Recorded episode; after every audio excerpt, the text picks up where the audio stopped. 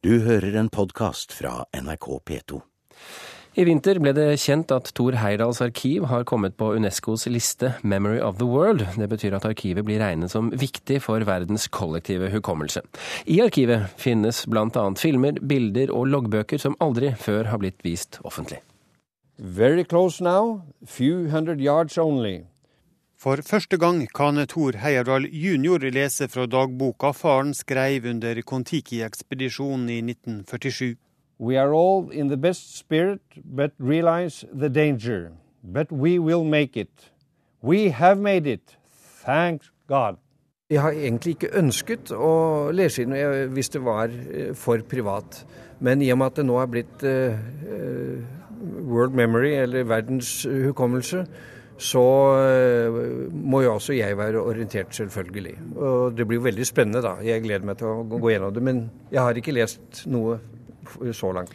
Broren Bjørn har derimot lest litt mer i dagbøkene. Han har forska på familiearkivet, og mener en del nye sider ved faren kan komme til å tre fram. Så eh, finner jeg så mye som viser hvor flink han var som brobygger rundt i verden, i alle land.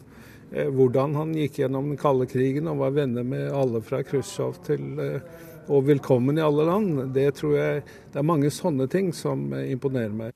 Men de store skandalene uteblir, tror Thor Heyerdahl jr. Det er jo noen eh, biografer da, som eh, har vært på jakt etter noe som man på dårlig norsk kaller juicy, eller noe saftig.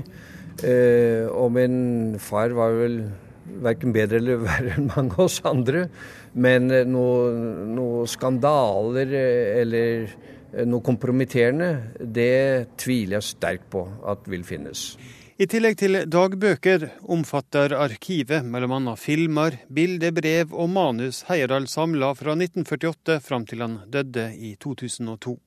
Mye av materialet har ikke blitt eh, vist offentlig før. Likevel er det lite som ikke er kjent, men en del ting som kanskje er glemt, sier arkivleder Reidar Solsvik. Tor Herdals pass eh, for fransk Polynesia når han dro til Fatuhiva i 1936 f.eks., eh, som vi ikke var helt klare over. Og vi har også kommet over noen bilder fra Kon-Tiki-ferden som Tor Herdal selv hadde puttet i en konvolutt innimellom noen andre papirer inni en annen mappe som vi så fant da nå i fjor høst, faktisk. Unesco sitt Memory of the World-program har som mål å ta vare på arkiv og samlinger som har stor verdi. Mellom tinga som står på lista er Dødehavsrullene, Anne Franks dagbok og bilder av Amundsen som når Sørpolen. Men det forplikter å skulle ta vare på en værshukommelse. Mellom annet må de gjøre arkiver tilgjengelige for folk. But never before have I had a job with such a curious excitement as this. The job of introducing the fantastic story of the Kon-Tiki expedition. Hver dag viser museet nå Kon-Tiki-filmen som vant Oscar i 1951 som en del av utstillinga. I tillegg jobber museet med et prosjekt der bilder og dokument skal presenteres på nett. Men dette er et stort arbeid for et lite museum. Derfor må de trolig ha hjelp, sier direktør Maja Bauge. Og vi er et lite museum med, uten offentlig støtte. Så vi har sett det her at vi har ikke ressurser å gjøre den jobben innenfor rimelig tid. Så vi er nå i ferd med å utarbeide et prosjekt, og vi kommer å søke, søke om eksternt eh, bidrag økonomisk for å kunne gjennomføre denne forpliktelsen som vi nå har. Men vi gjør det med glede. I morgen skal museet feire at arkivet har kommet med på Unescos liste, med avduking av plakett og prominente gjester til stades. Det ser Bauge fram til. Da er det fest. Da skal vi bare glede oss til at Tor Heyerdahls-arkivet blir tatt vare på for all framtid, og at uh, hele verden blir kjent med det. Og reporter på Bygdøy i dag, det var Espen Alnes. Og du kan se bilder fra arkivet på nrk.no, og også i Dagsrevyen i kveld om du ønsker det. Eh, forfatter eh, Jostein Gaarder, velkommen til Kulturnytt. Takk. Hva syns du om det du hører her? Nei, det er jo eh, det, er noe å feire. Det er, det er en begivenhet, selvfølgelig. Altså At for første gang en nordmanns personlige arkiver går inn i, i verdens, Unescos verdensarv. Altså, det, det, det, er jo veldig sjelden at det, det er norske bidrag der fra kulturen, kulturhold. Jeg mener, eh, Noe av det første var Ibsens håndskrevne manus til et dukkehjem, og så er det et sånt kartotek fra Lepra-museet i Bergen. Altså, det er, det er, ganske unikt. Det er de store tingene. Men, men det er unikt, men, men jeg vil også si at det nesten skulle bare mangle. Fordi det er så mangfoldig virke og så mangfoldig nedslag som Thor Heyerdahl hadde gjennom et langt liv, det er noe som tilhører verdensarven. Hva var det som gjorde at han slo i, nærmest igjennom i alle land og alle lag av folk? Jeg tror det var en fundamental undring altså, om hva han fikk å se over de høye fjellet. Men ikke sant? Han, han, han ikke bare undret seg, han, han stakk til sjøs for å finne ut selv. Han, stilte spørsmål, og om ikke det var spørsmål, svar på rede hånd, så, så dro han på tokt for å finne svarene selv. Og eh, han har, har, jo vist da, altså at det faktisk altså, eh, var mulig å, å krysse eh, eh Stillehavet på en balsaflåte eller Atlanterhavet på, på en sivflåte. ikke sant? Jeg mener, men, men, men, det er så mangfoldig, fordi dette er jo så vevet sammen med legender, med gamle myter. ikke sant? Det var mye naturforskning. Vindforhold, havforhold. Han var den første kanskje som virkelig påpekte at altså havene, verdenshavene, er en allmenning som vi nå forsøpler. Han så oljeflakene i, i, i, havet og slo alarm. Så sent som faktisk eh, ja, to år før årtusenskiftet skrev han et brev til, til eh, FNs hovedforsamling og oppfordret til at verdens nasjoner måtte gå sammen om å ta et ansvar for å forvalte altså dette eh, eh, verdenshavene, men i det hele tatt klodens miljø. Var, han var ute der eh, lenge før det ble dagligtale å snakke om om bærekraftig utvikling osv. Du skal jo da altså avduke plaketten som markerer at Tor Heyerdahls arkiver er blitt en del av verdens hukommelse i morgen. Hvilket forhold har du selv til Tor Heyerdahl? Du vet, Jeg er født i 1952. Det var for øvrig samme år som, som hans bok 'American Indians in the Pacific' kom ut eh, og ble oversatt til eh, alle verdens språk. Eh, men jeg mener, i, i, i, mitt første møte med han var jo på Filmavisen, det var jo lenge før vi fikk TV. Og da, da jeg var sånn gutt ikke sant, sånn 8-9-10-11 år, så var jo altså Tor Heiland en sånn helt eh, for oss gutta på Årvoll. Ja. På vei til skolen. Vi snakket jo om Gagarin og Tarzan og Zorro og Roy Rogers og Tor Heyerdahl.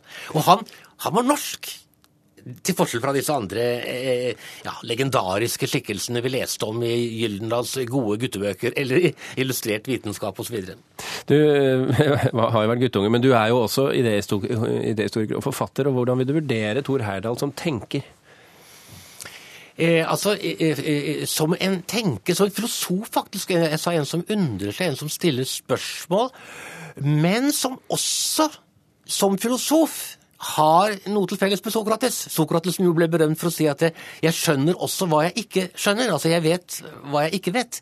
Og det er jo faktisk altså en sånn lærd uvitenhet. Det er nesten et kjennetegn på, på hva en god filosof eh, må stille opp med.